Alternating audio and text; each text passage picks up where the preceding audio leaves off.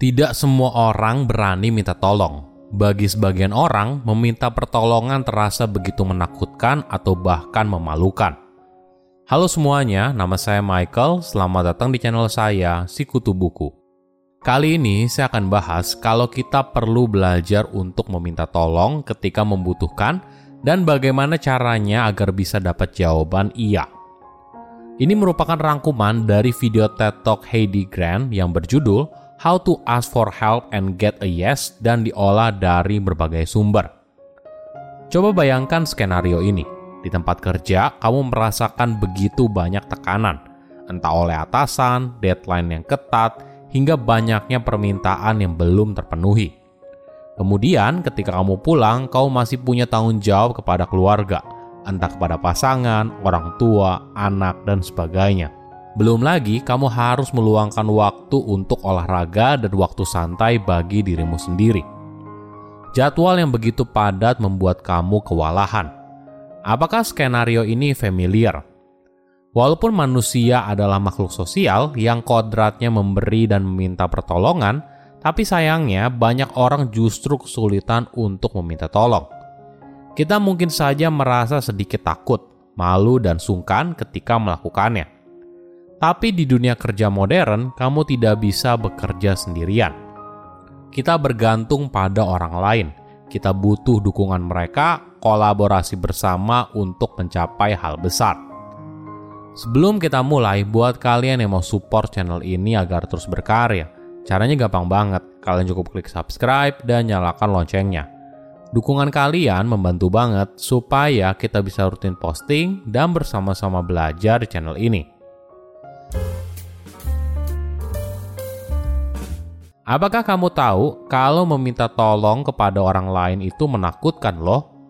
Banyak orang justru kesulitan untuk meminta tolong, padahal dirinya mungkin membutuhkannya. Di banyak kasus, ketika minta tolong kepada orang yang dicintai, teman, rekan kerja, atau bahkan kepada orang asing, ada perasaan kurang nyaman atau sedikit rasa malu. Inilah yang membuat banyak orang sungkan atau berusaha menghindari untuk meminta tolong kepada orang lain. Contohnya begini, kamu sedang berkendara, lalu walaupun kamu sudah mengikuti peta, tapi sepertinya kamu tersesat. Sebagian orang mungkin menolak untuk berhenti dan bertanya kepada masyarakat sekitar.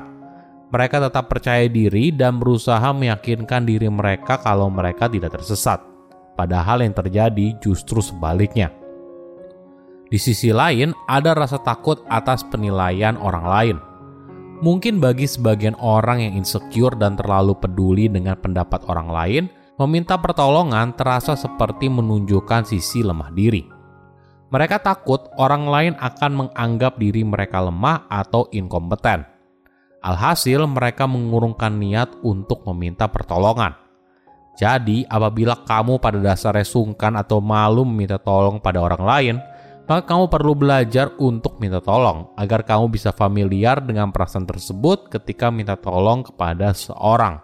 Tujuannya agar ketika kita minta tolong, kemungkinan orang lain bilang iya justru semakin besar. Bukan hanya itu, orang yang memberikan pertolongan justru bisa merasa puas dan bahagia ketika membantu kamu. Kenapa hal ini penting? Karena kita semua sampai batas tertentu pernah mengalami sesuatu yang disebut para psikolog sebagai ilusi transparansi. Ini adalah keyakinan keliru kalau pikiran, perasaan, dan kebutuhan kita bisa jelas terlihat oleh orang lain. Tentu saja ini tidak benar, tapi anehnya kita percaya. Alhasil kita hanya diam dan menunggu, berharap orang lain perhatikan apa yang kita butuhkan, dan kemudian secara spontan menawarkan bantuan. Ini adalah asumsi yang buruk. Faktanya sangat sulit untuk mengetahui apa yang dibutuhkan oleh seseorang. Dan ketika kamu memberikan bantuan, mungkin saja orang itu tidak butuh bantuan kamu. Inilah kenapa kamu harus secara gamblang mengatakan kalau kamu butuh bantuan. Riset menemukan 90% bantuan yang diberikan oleh rekan kerja kepada rekannya lain di tempat kerja merupakan respon dari permintaan eksplisit seseorang. Jadi, ketika kamu tidak bilang "saya butuh bantuan", maka kemungkinan besar kamu tidak akan mendapatkannya. Nah, apa tips agar kemungkinan besar orang lain bisa bantu kamu? Pertama, harus spesifik. Ketika kamu minta tolong, kamu perlu sangat spesifik atas bantuan apa yang kamu inginkan dan kenapa.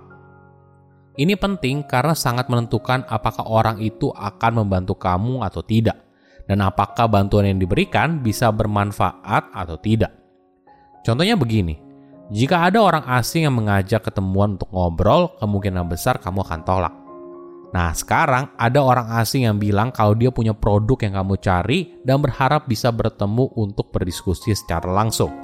Kemungkinan besar permintaannya akan kamu kabulkan. Kedua, hindari minta maaf, merasa sungkan, menawarkan imbalan dan sebagainya ketika minta tolong. Ketika minta tolong, mungkin kamu sering mengatakan, "Sorry ya, ganggu sebentar. Jadi saya mau minta tolong, bla bla bla." Atau, "Sebenarnya saya nggak mau ganggu sih, tapi saya mau minta tolong, bla bla bla."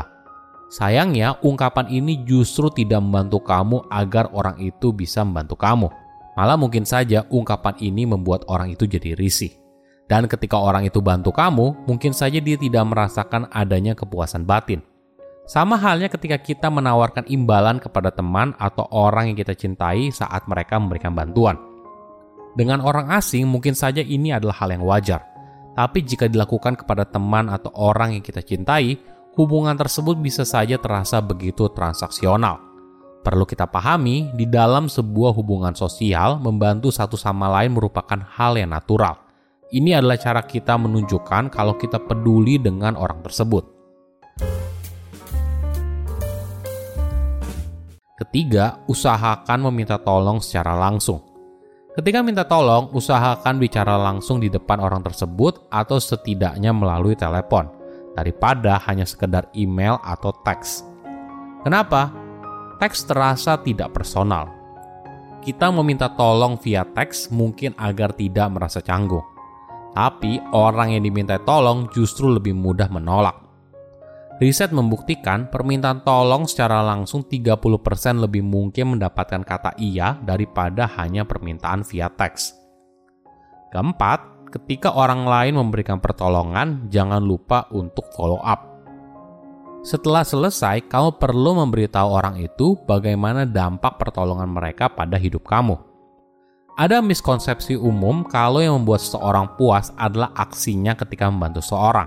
Tidak sepenuhnya benar, tapi yang jauh lebih efektif adalah ketika orang itu tahu dampak dari bantuan yang diberikan. Misalnya begini, kamu memberikan donasi kepada sebuah panti asuhan. Lalu secara berkala, panti asuhan itu akan mengirimkan foto via email atau WhatsApp atas perkembangan anak yang ada di sana. Ada yang lulus sekolah, ada yang gizinya meningkat, dan sebagainya. Foto ini merupakan pengingat kamu atas dampak dari donasi yang kamu berikan. Alhasil, kamu pun jadi termotivasi untuk terus memberikan bantuan. Karena kamu tahu kalau bantuan yang kamu berikan punya dampak dan kamu bisa melihat sendiri apa dampaknya. Silahkan komen di kolom komentar pelajaran apa yang kalian dapat ketika tahu informasi ini.